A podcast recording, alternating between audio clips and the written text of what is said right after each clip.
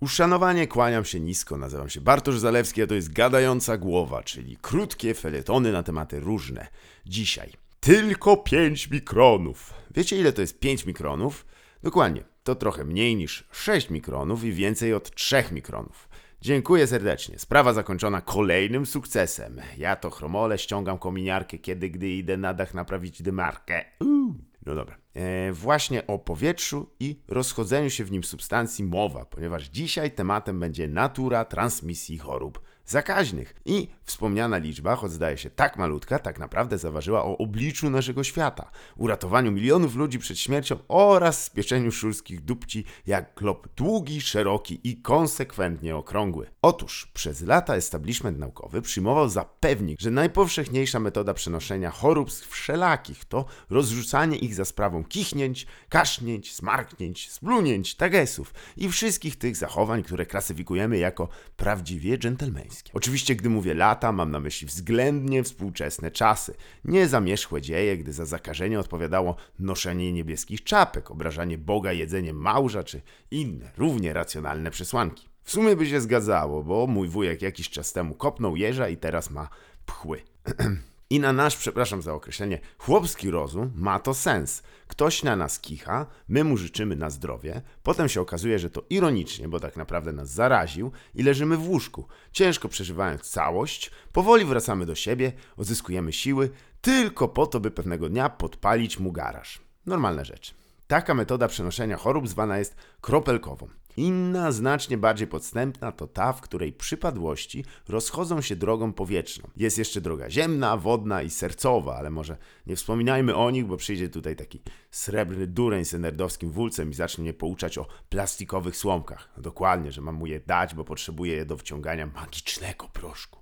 Ja już znam. Droga powietrzna była niebezpieczniejsza, gdyż im drobniejsza jest cząsteczka, tym dłużej utrzymuje się w powietrzu. To też w sumie logiczne, ale pociąga za sobą kolejną kwestię. Kiedy dokładnie coś przestaje być kroplą, a staje się aerozolem? To jak pytanie, gdzie się kończy końska część centaura, a zaczyna ludzka? Tam, gdzie włosy? A jak ktoś ma włochaty pępek, albo plecy, albo koń łysieje? No właśnie. Więc wraca nam wspomniana już maciutka liczba, albowiem przez ostatnie 60 lat z okładem definicja choroby przenoszonej drogą powietrzną oznaczała taką, której pojedynczy yy, dynks, wybaczcie, skończyły mi się synonimy, jest mniejszy niż 5 mikronów. Skąd ta liczba? Z prac Williama Ferfa Wellsa i jego żony, Wi jego żony Miriam, którzy w latach 50. wnikliwie testowali roznoszenie się chorób zakaźnych w powietrzu, często wbrew opinii ówczesnego establishmentu naukowego, gdyż musicie wiedzieć, że zatrute powietrze dość mocno przypominało niektórym teorię miazmatów, kojarzoną zazwyczaj z nieprzesadnie skutecznymi metodami walki z czarną śmiercią, noszeniem masek ptaka i przykładaniem oskubanych kurczaków do ropieli. Przyjęta liczba 5 mikronów stała się kamieniem węgielnym teorii dwojakiego przenoszenia chorób przez emisję, wchodząc do definicji Światowej Organizacji Zdrowia i amerykańskiego CDC. W efekcie podstawową metodą radzenia sobie z kropelkową drogą było mycie rąk, czyszczenie powierzchni i zasłanianie jabłka podczas kichania. Metodą walki z chorobami przenoszonymi drogą powietrzną było, zgadliście, zasłanianie dróg oddechowych maskami oraz aparatura oczyszczająca i filtrująca powietrze.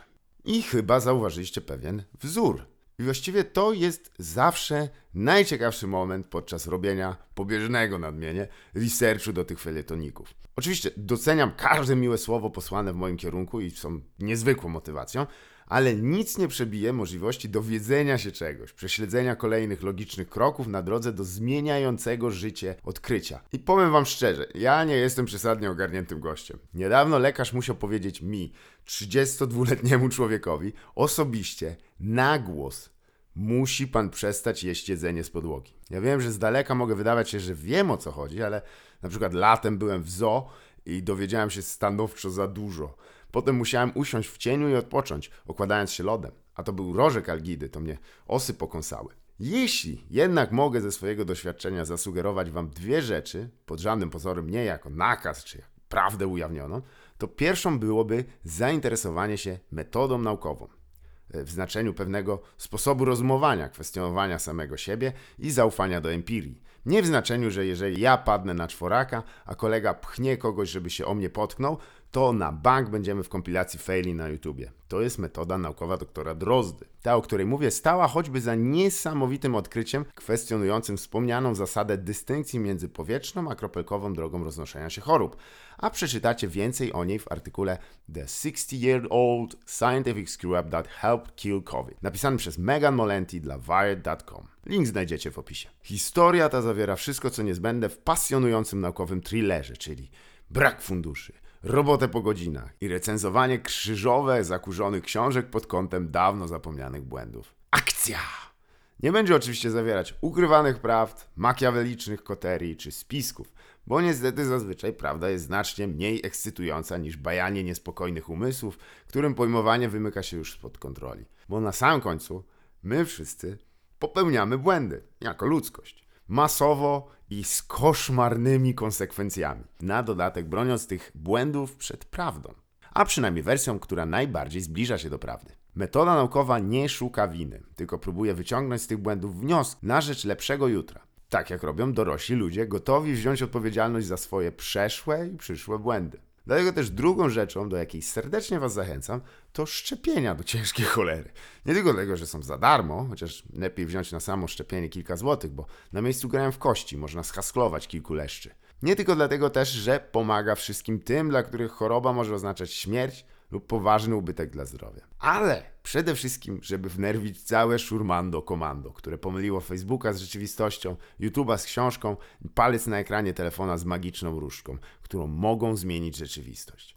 A rzeczywistość pozostanie rzeczywistością nawet wtedy, kiedy na maksa przestaniesz w nią wierzyć. Ja się żegnam, do usłyszenia we wrześniu, a teraz miłej tej środy i wszystkich innych. Także, e, jeśli nie wiesz ile to jest 5 mikronów, to dwa więcej niż mierzy twój kut.